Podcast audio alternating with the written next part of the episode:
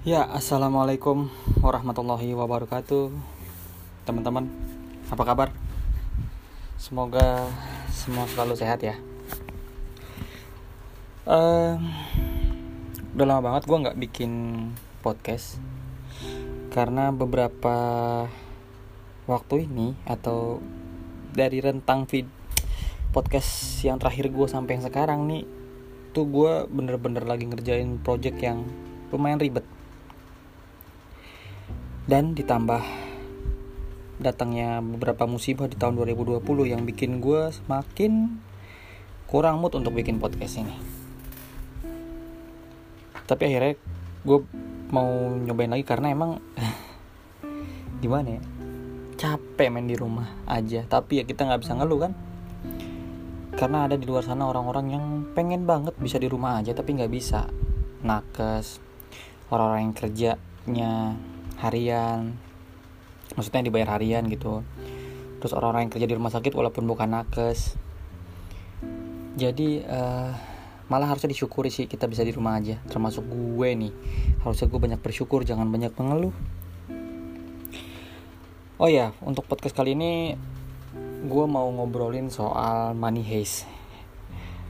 Entah berapa lama gue di rumah akhirnya gue namatin uh, serial Money Heist La Casa de Papel. Iya itu film yang lagi hits banget di Netflix dan itu gila sih. Tapi ada beberapa hal yang gue ngerasa kayak gak cocok aja gitu. Di apalagi di season ketiga ya. Di pencurian emas. Um, ini spoiler dikit kali ya untuk yang belum nonton tolong di stop dari sini sekarang juga podcastnya. Kalau yang udah nonton bisa ngobrol-ngobrol bareng sama gue di sini. Ngedengerin bareng di sini. Uh, gue malah berpikir di episode yang pencurian kedua itu ya kenapa nggak Tokyo aja gitu yang mati? Kenapa harus uh, Nairobi gitu dan apa ya? Gue lihat-lihat dari film ini sebenarnya biang keroknya tuh kan cuma satu ya si Tokyo ya. Paling banyak ya paling banyak bukannya. Semua nggak punya masalah semuanya ada masalahnya. Cuman yang paling jadi biang kerok itu cuma si Tokyo dari awal. Dari awal pencurian pertama sampai pencurian kedua itu dia dia juga gitu. Terus um, ya film itu buat gue salah satu film serial yang berhasil bikin gue mikir terus mikir mikir mikir sepanjang film. Udah gitu emang gue suka ya film-film berkategori adrenalin rush gitu kan kan termasuk adrenalin rush gitu ya pencurian gitu kan. Terus mikir juga kan.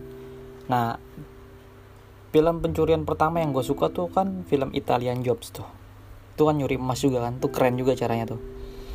Cuman Money Heist tuh bener-bener dibungkus. Gila banget sih itu. Total banget. Dan gue nontonnya tuh kayak wah gila nih epic banget sih. Penggarapannya skripnya ceritanya dramanya semuanya sih. Ya film Money Heist ngajarin juga kalau kita tuh punya temen ya udah gitu. Uh, jangan brengsek gitu. Jangan jadi brengsek gitu buat temen tuh. Di situ juga ngajarin kita untuk menjadi pemimpin yang baik yang bijaksana dan bisa tahu uh, kondisi lapangan tuh kayak gimana gitu. Leadership lah. Di One Heist banyak banget yang bisa lo ambil selain cuman kenikmatan filmnya gitu. Buat yang belum nonton bisa nonton. Baru yang kalau yang baru nonton setengah-setengah atau baru episode sekian tuntasin. Asli nggak nyesel. Ya jadi Money Heist tuh film yang membekas di kepala gua sih untuk beberapa waktu ini. Bahkan beberapa pekan ya. Udah hampir dua mingguan kayaknya masih kepikiran aja gua film itu. Sampai-sampai gue nyari nyari info kapan keluar season 5 nya Nah terus film kedua yang gue tamatin itu adalah Itaewon Class. Wah itu gila sih. Kapan-kapan gue bakal bahas itu. Cuman uh, ya work from home atau sekarang udah diberlakukannya PSBB di Bekasi membuat gue jadi jauh lebih berpikir untuk mencari hiburan di rumah. Dan ya udah mau nggak mau Netflix sih jadi salah satu pilihan gue dan kayaknya teman-teman mesti nyoba deh nonton itu. Keren banget. Ya kayaknya itu aja sih yang pengen gue ceritain. Nggak penting kali ya. Tapi gue cuma pengen ngobrol. Gue cuma pengen conversation gitu. Gue cuma pengen sampein apa yang ada di pikiran gue gitu. Makanya gue mulai lagi podcastnya. Buat teman-teman yang masih di rumah aja bertahan. Insya Allah sebentar lagi. Sabar sabar. Buat yang nggak bisa di rumah semangat. Bismillah gitu. Tawakal juga. Lakuin sebaik mungkin untuk penjagaan diri. Jangan sampai ngerugi, ngerugiin orang lain gitu. Terutama terutama ngerugiin keluarga gitu ya udah gue pengen balik lagi rebah-rebahan dan mencari kesibukan.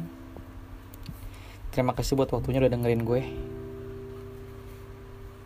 Lain kali gue mungkin bakal bahas yang lain yang jauh lebih um, menarik. Semoga.